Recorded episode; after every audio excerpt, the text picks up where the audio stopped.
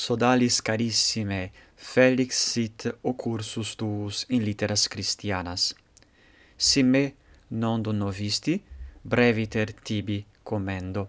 Vocor mateus sum ecclesiae catholicae sacerdos natione brasiliensis. In ac serie legimus et explicamus epitome historiae sacrae est opus de historia sacra de historia biblica, quod composuit sacerdos Francogallus nomine Lomond. Et in prima pellicula uius seriei iam legimus de mundi et hominis creatione. Odie autem legemus et enodabimus primum peccatum, peccatum primigenium, quod homo quod vir et mulier quod Adamus et Eva commiserunt. Ergo nunc traseamus ad textum nostrum. Deus posuit Adamum et Evam in orto amenissimo qui solet appellari paradisus terrestris.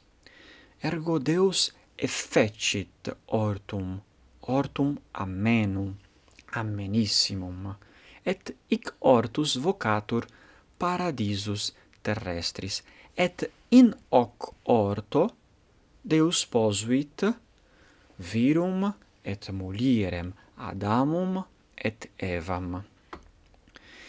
Ingens fluvius irrigabat hortum erant ibi omnes arbores iucunde ad spectu, et fructus gustu suaves. Ergo erat fluvius, erat flumen ingens. Erat ingens fluvius qui irrigabat hortum. Et in hoc orto erat multe arbores, multe arbores iucunde ad spectu adspectus, adspectu, in accententia est ablativus limitationis. Arbores erant iucunde, quare erant iucunde ad spectu. Quid significat? Arbores iucunde ad spectu sunt arbores quas iucundum est ad spectare. Id est Adamus et Eva in paradiso in orto spectabant arbores et dum spectabant arbores afficiebantur iucunditate erat iucundum eis aspicere arbores.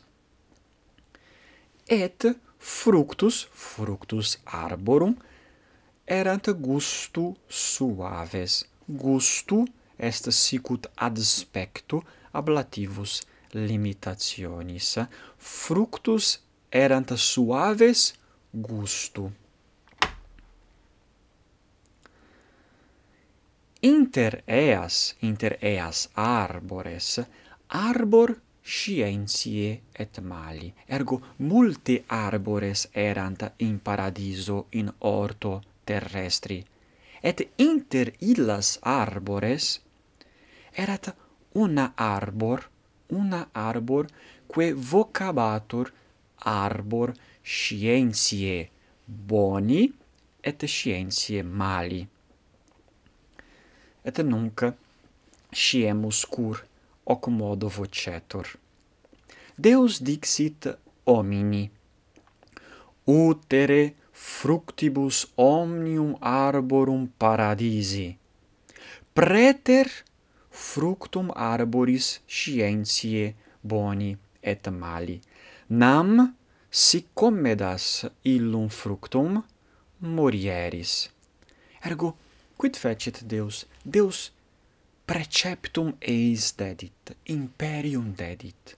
Dixit homini utere fructibus. Quid significat utere?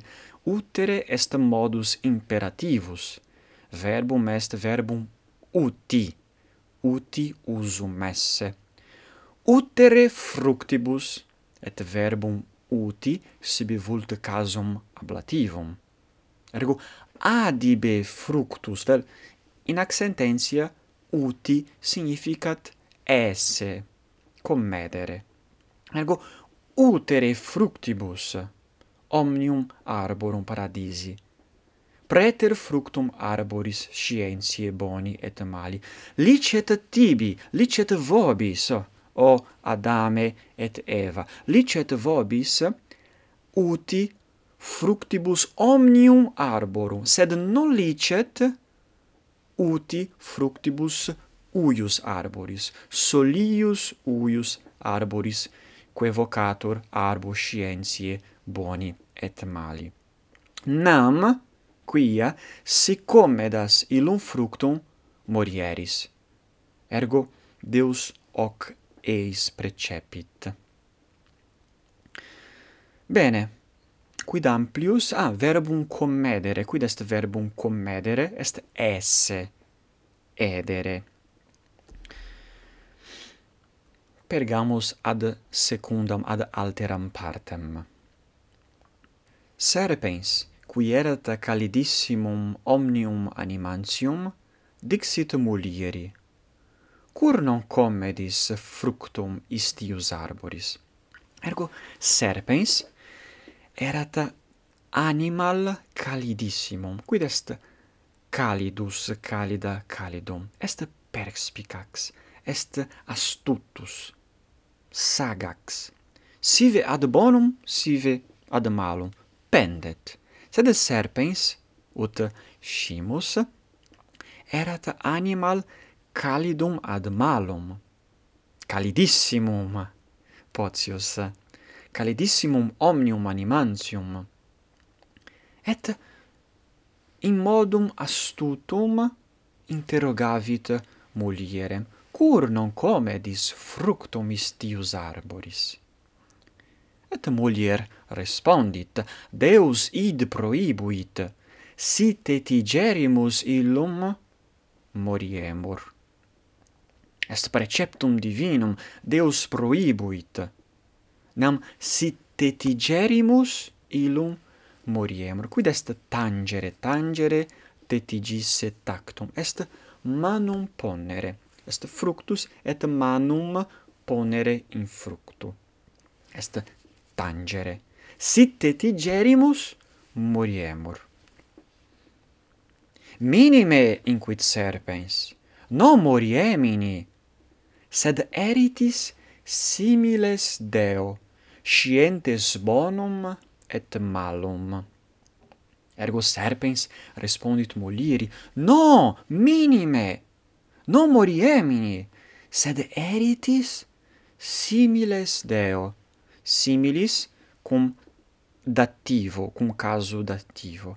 Eritis similes Deo, eritis sicut Dii, scientes bonum et malum. Mulier decepta is verbis, decerpsit fructum et comedit. Deinde obtulit viro, qui pariter commedit. Ergo mulier decepta is verbis, est verbum decipere, decipere, decepisse, deceptum, significat fallere, in fraudem inducere. Ergo mulier decepta est is verbis serpentis, quid significat serpens verbis suis decepit mulier, mulierem. Ergo mulier decepta is verbis quid fecit decerpsit fructum. Cavete quia verba sunt auditu similia. De, decepta et decerpsit, sed sunt duo verba diversa. Decipere est fallere, et decerpere quid est est verbum carpere, de et carpere, de cerpo. Ergo mulier decerpsit fructum et comedit. Deinde obtulit viro, dedit viro, qui pariter, qui eodem modo commedit. Bene, est ut uh, scimus historia simplex et eh, facilis intellectu, spero vos omnes intellegere potuisse. Si quid dubi est rogo ut mi scribatis in commentaris et ego libentissime vobis respondebo.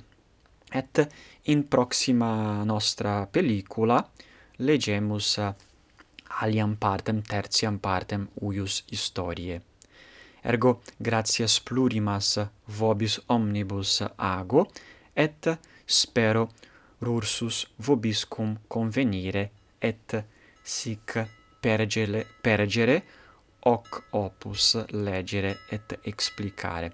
Valete omnes.